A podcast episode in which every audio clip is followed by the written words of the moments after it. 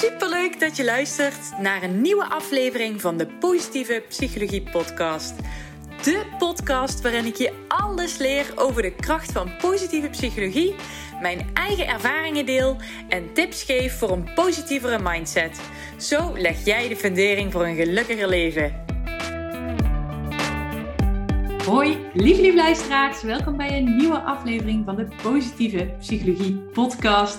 Vandaag is Noah te gast in de podcast. Noah is 21 jaar psychologiestudenten en we willen vandaag gaan hebben over studeren, mentale gezondheid en nog heel veel meer. Noah, van harte welkom. Hi, dankjewel. Hallo. ja, ja, heel veel dingen. Ik heb uh, brede interesses. Oh, maar mijn voornaamste interesse is inderdaad psychologie en studeren en psychologie in het onderwijs. Mhm. Ehm, ja, want dat is eigenlijk ook wel uh, een beetje mijn ding. Dat ik, um, waar zeg maar mijn interesse in psychologie is begonnen, dat is in het onder onderwijs. Um, ik uh, voelde mij op school altijd een beetje het buitenbeentje. En ik was wel benieuwd hoe de mens nou werkt. En hoe, ja, ja, hoe dat, hoe, wat er eh, zeg maar tussen je oren zit. Want dat is mhm. niet alleen maar een vage, vage brei, maar dat is heel interessant. er gebeuren heel veel dingen. Ja.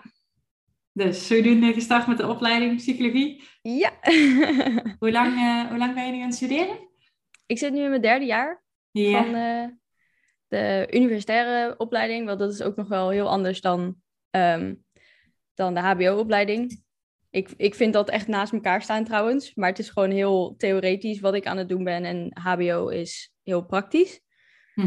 Ehm, ja, dat, dat zie ik nu wel in hoe onderwijs gegeven wordt. Is, um, het is echt heel, heel krom soms. Maar goed. Ehm, ja. Wow. ik sloeg tegen mijn microfoon aan. Met mijn kop koffie. Ja, nee, maar ehm, ja, mijn verhaal begon een beetje ja, op de basisschool, denk ik. Ehm, ik uh, ben in groep 8, zei ik al van, oh, ik wil echt naar een universiteit, want dan kan ik mijn eigen planning indelen en dan ben ik eindelijk vrij. Mm Heel duidelijk doel voor ogen dus. Ja. Ja, ja ik was uh, uh, ja, eigenwijs of daadkrachtig of perfectionistisch. Je kan er allemaal labeltjes op hangen. Ehm, maar ja, ik had een duidelijk doel voor ogen, inderdaad. Um, Wat je bereikt hebt inmiddels ook? ja, inderdaad. Ja, ik ben uh, richting psycholoog aan het werken, inderdaad. Ik uh, heb ook op mijn Instagram naam staan psycholoog to be, dus dat, daar wil ik ook echt wel heen. Um, ja, maar het, was heel, het is heel anders dan dat ik verwacht had toen ik hier aan begon. Dus zeg maar in groep 8, zeg maar, mhm. Waar ga je heen als psycholoog en wat is je traject? Um, want ja, dat is een soort de, de universitaire mensen die mogen wel een praktijk oprichten en de HBO-mensen mogen dat niet gelijk. En daarna zijn er nog heel veel andere dingen die gek zijn aan uh, psycholoog worden. mm en wat daar een soort die beperkingen, zeg maar, van um, het gezondheidszorgsysteem, die heb ik een soort in mijn leven wel gemerkt. En het is wel grappig om dan nu dus te zien hoe, hoe die verklaard worden en hoe die geregeld worden op beleidsniveau ook allemaal. Mm Dus ja, misschien een beetje technisch, maar ja, ik merk gewoon dat in, in het onderwijs, toen ik op de basisschool zat en op de middelbare school, er is gewoon niet zoveel ruimte voor mentaal niet zo lekker zijn, zeg maar. Mhm. Ik uh, heb het dan op mijn Instagram veel over mentaal verkouden zijn. Soms heb je gewoon een mental health day nodig en dat wordt op het onderwijs echt nog niet als normaal gezien. Um, en misschien ligt het ook aan mijn perfectionisme, maar ik heb heel erg de neiging geïnternaliseerd gekregen dat ik moet werken en naar school moet en Um, dat je alleen met een goede reden, tussen aanhalingstekens, koorts of overgeven of whatever, dan pas mag je naar huis. Um, terwijl bijvoorbeeld sociale processen als pesten uh, ook een hele goede reden zijn om een middagje naar huis te gaan. Dus Mhm. ja, daar is nog wel wat te winnen. Ja, dus je hebt eigenlijk vanuit eigen ervaring een beetje die ruimte gemist. Maar je geeft ook aan dat een deel, zeg maar, ligt misschien wel aan je opvoeding of wat je vanuit thuisheid hebt meegekregen. Dat je daardoor ook wat minder ruimte daarvoor voelt. Ja, ja, dat heeft zeker ook wel meegespeeld. Ehm, ik ben dan best wel perfectionistisch en daar komt ook wel een deel ehm, dus vanuit mezelf. Ik vind het fijn om het goed te doen, zeg maar. Ehm, misschien ligt het ook wel aan ja, ho- hoogbegaafd zijn, zeg maar. Ik heb dus een IQ-test gedaan en daar kwam een IQ van 120 uit. Maar dan kom je dus weer op de labeltjes en de diagnoses en hoe fluïde die eigenlijk zijn en hoe ze zich anders kunnen uiten in mensen. Maar goed, dat is een zijstraatje. Ehm, ja, ik denk omdat ik redelijk slim ben, ehm, dat ik ook wel meer ja, dat streverige in me heb. Of zo. Mhm.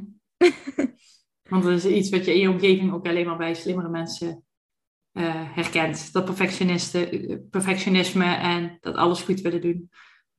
Ja, ja, ik zie niet heel veel in mijn omgeving dat slimme mensen zeggen, nou, nu ga ik even niks doen. Het is altijd Mhm. streven naar meer. Mhm. En wat, wat maakt voor jou iemand een slim mens? Is dat alleen het IQ? Ja, dat is, dat is ook nog een interessante, want slim is... eh, Ja, ik vond hem ik vond slim voor interpretatie vatbaar. Dus, eh, ja, is ja. inderdaad zo. Ja, Ja. want ik denk ook dat er mensen misschien zijn met een lager IQ, of denk, dan weet ik zeker dat er mensen met een lager IQ zijn, die ook het onderste uit de kan willen halen. Ja. ja uit hun precies. eigen kan. ja. Ja, daarom zei ik ook, de, zeg maar, universiteit en hbo staan naast elkaar. Omdat het is gewoon een andere soort opleiding. En ieder persoon is dus ook anders. En Mhm. iedereen wil inderdaad... Ik denk dat iedereen een inherente drang heeft om gewoon het beste van zijn leven te maken. Inderdaad. Ja. En dingen goed te doen. En ik denk dat dat niet eh, opleidingsniveau afhankelijk gestuurd is. Nee, dat klopt.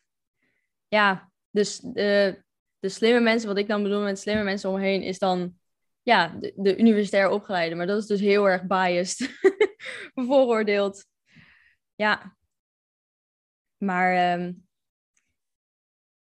ja, ik weet niet. Ik zie, ik zie ook wel andere mensen op een andere manier streven. En dat is dus ja, precies wat we eigenlijk net zeiden. Ja. Nee, maar ik, ehm, mijn interesse in ja, het, de psychologie in de mens ehm, kwam dus eigenlijk vanuit de middelbare school, denk ik, dat dat echt is begonnen. Ehm, ik, ik was altijd al heel erg moe. En toen bleek op een gegeven moment dat ik in de tweede ook vijver heb gehad. Of de, de ziekte van vijver. Ehm, en misschien heb ik in die periode ook wel heel erg geleerd om door te duwen door mijn moeheid heen. Mhm. En heb ik daardoor zeg maar ook de, ja, de perfectionistische neigingjes een beetje eh, goed ontwikkeld. goed erin Mhm. geslepen. En in 2016 begon ik echt heel erg aan de persoonlijke groei kant. En werd dat heel erg een hobby van mij.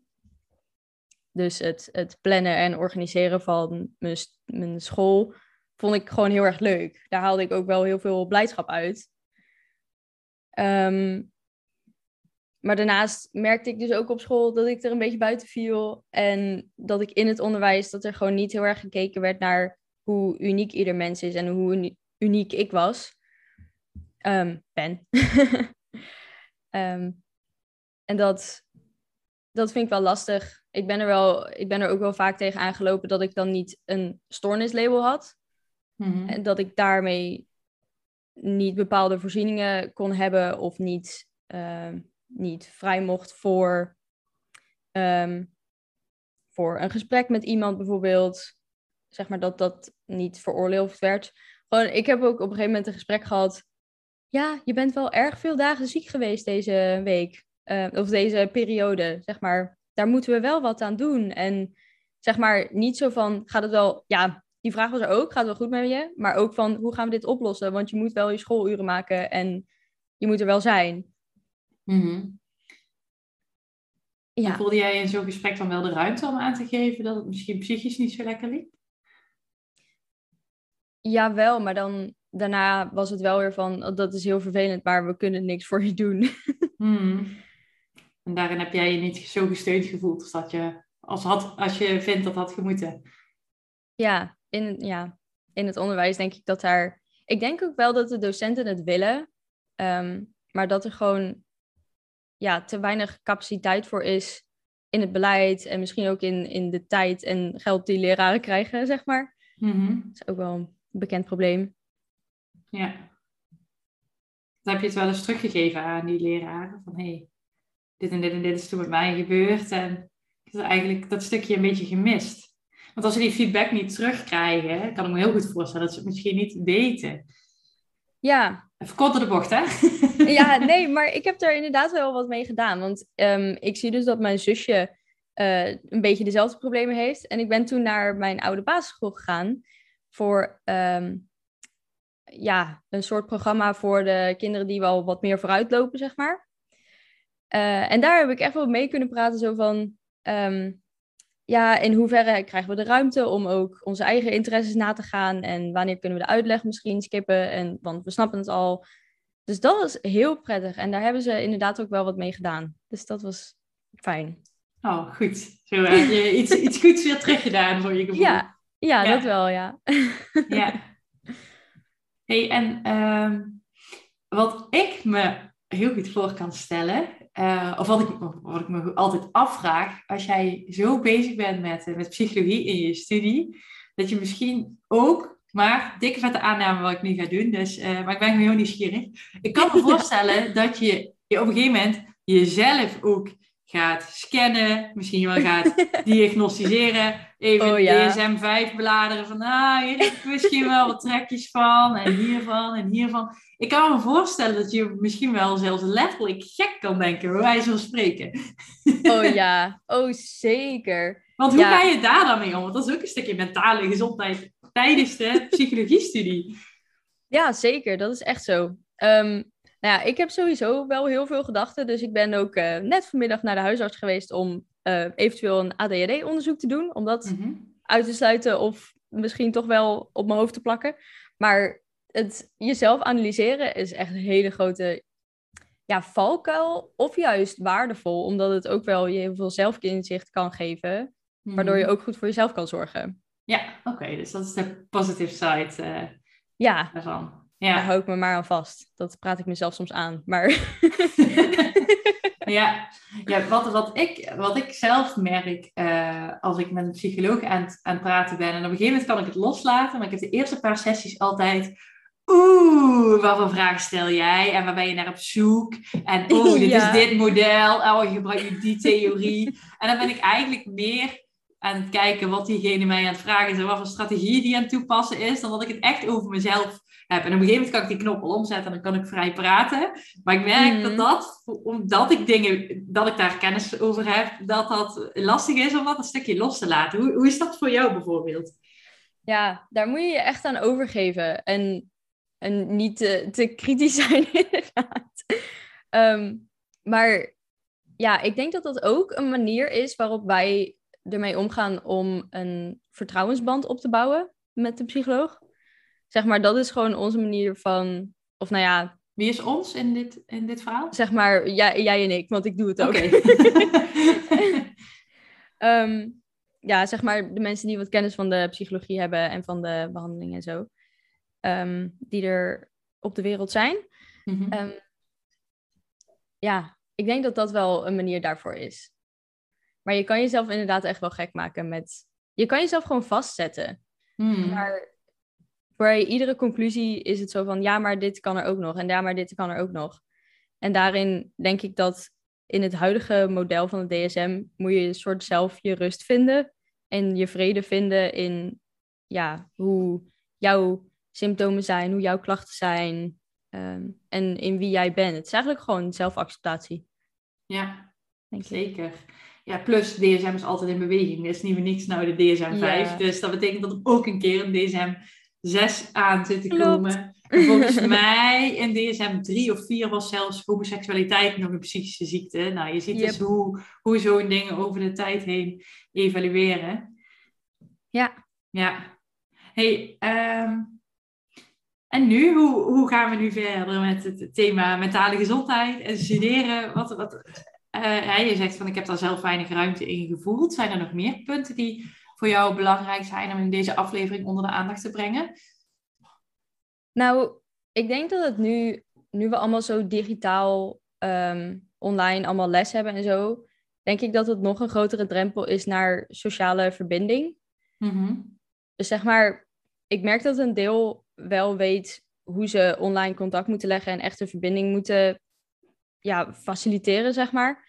Alleen heel veel mensen weten dat nog niet. Die zijn nog heel, heel erg met de technische dingetjes bezig. En ehm, bijvoorbeeld leraren, die weten niet hoe ze dat, ja, hoe ze die kleine momentjes van bijvoorbeeld een pauze of even tussen de les door, die kan je niet nabootsen als je allemaal apart voor zo'n schermpje zit. Mhm. Dus ja, ik denk dat in het onderwijs wel veel meer focus, de focus kan liggen op sociale verbinding. Mhm. En ik denk sowieso dat sociale verbinding best wel onderschat is als, ja, als waardevol. Mhm. Ehm, ja, en dat, daar, dat, je daar, dat je je daar ook meer aan mag overgeven van, ja, ik heb mensen nodig, ik heb mensen naast mij nodig en mensen zijn leuk en die kunnen heel veel, ja, kleur brengen aan je leven en aan het studeren. En het is een goede mm. buffer voor psychopathologie. Even een psychologisch feitje. Oké, ik weet niet wat psychopathologie is, maar daar kan je me waarschijnlijk alles over vertellen. Ja, dat is de, dat is de DSM, zeg maar. ja, heel kort ja. op de bocht. Heel ja, ja, ja, ik snap wat je zegt. Ja. Hey, en en uh, wat kan je als, uh, als er nu iemand aan het luisteren is en die is op dit moment uh, aan het studeren en die struggelt met mentale gezondheid, wat zou je diegene dan graag willen meegeven? Um, nou ja, sowieso accepteer al je gevoelens, want al je gevoelens mogen er zijn. Mm-hmm. En um, ga toch iemand opzoeken om soms wat contact mee te hebben uh, en om mee te overleggen en gewoon ook wat fun te hebben naast de studie. Ja, een soort afleiding. Ja. Ja, want uh, je zegt accepteer je gevoelens. Hoe doe je dat? Hoe doe jij dat? ja. ja, oei. Ja, ja dat, is een lastig onderwerp. Ja, dat is zeker een lastig onderwerp. Ja, ik denk zitten met je gevoel. Ik denk dat soms ook stilte heel goed kan werken. Mm-hmm. Um, dus misschien mediteren, maar dat moet je echt op de manier doen die voor jou werkt. Um, maar ja, in de stilte kan je heel goed gronden en dan ja, met jezelf een beetje overleggen van hé, hey, wat voel ik nou? Um, wat vind ik ervan? Komt dat vanuit mij? Of is dat iets wat ik aangeleerd heb van buitenaf? Mm-hmm. Vooral je metagevoelens noemen ze dat. Dus zeg maar het gevoel over je gevoel. Um, ja, dus als je je schuldig voelt over dat je je slecht voelt, dat is een interessante om naar te kijken, zeg maar. Mm. Dus ja. alles met liefde. Ja, dus met alles mag er zijn, alles is oké. maar ondertussen ook een stukje analyse van waar komt dit gevoel nou eigenlijk vandaan? Wat, wat ligt eronder? Wat is die diepere laag? Ja. Ja. Oké, okay, ja. mooie tip. Heb nog andere dingen die je graag kwijt zou willen over dit onderwerp? Um, nou ja, nee, ik denk dat dat hem wel zo was. En misschien als je denkt dat je iets van een label op je hoofd hebt, of wel of niet, um, of je nou wel een stoornis hebt of niet, um, wil ik gewoon zeggen dat je altijd waardevol bent. Je bent altijd een waardig persoon. Um, en mentale gezondheid is best wel lastig, vooral in de huidige samenleving. En ja, je bent altijd geliefd, zeg maar. Mooie woorden. Dankjewel. Lijkt me mooi om mee af te sluiten. Hey Noah, heel erg tof dat je hier vandaag te gast wilde zijn. Ja, thanks. Ik vond het leuk om er te zijn. nou, gelukkig maar. en uh, jij heel erg bedankt voor het luisteren. En tot de volgende keer, want de volgende aflevering is aflevering nummer 100. Joehoe! Gefeliciteerd! Thanks! Doeg! Heel erg bedankt voor het luisteren.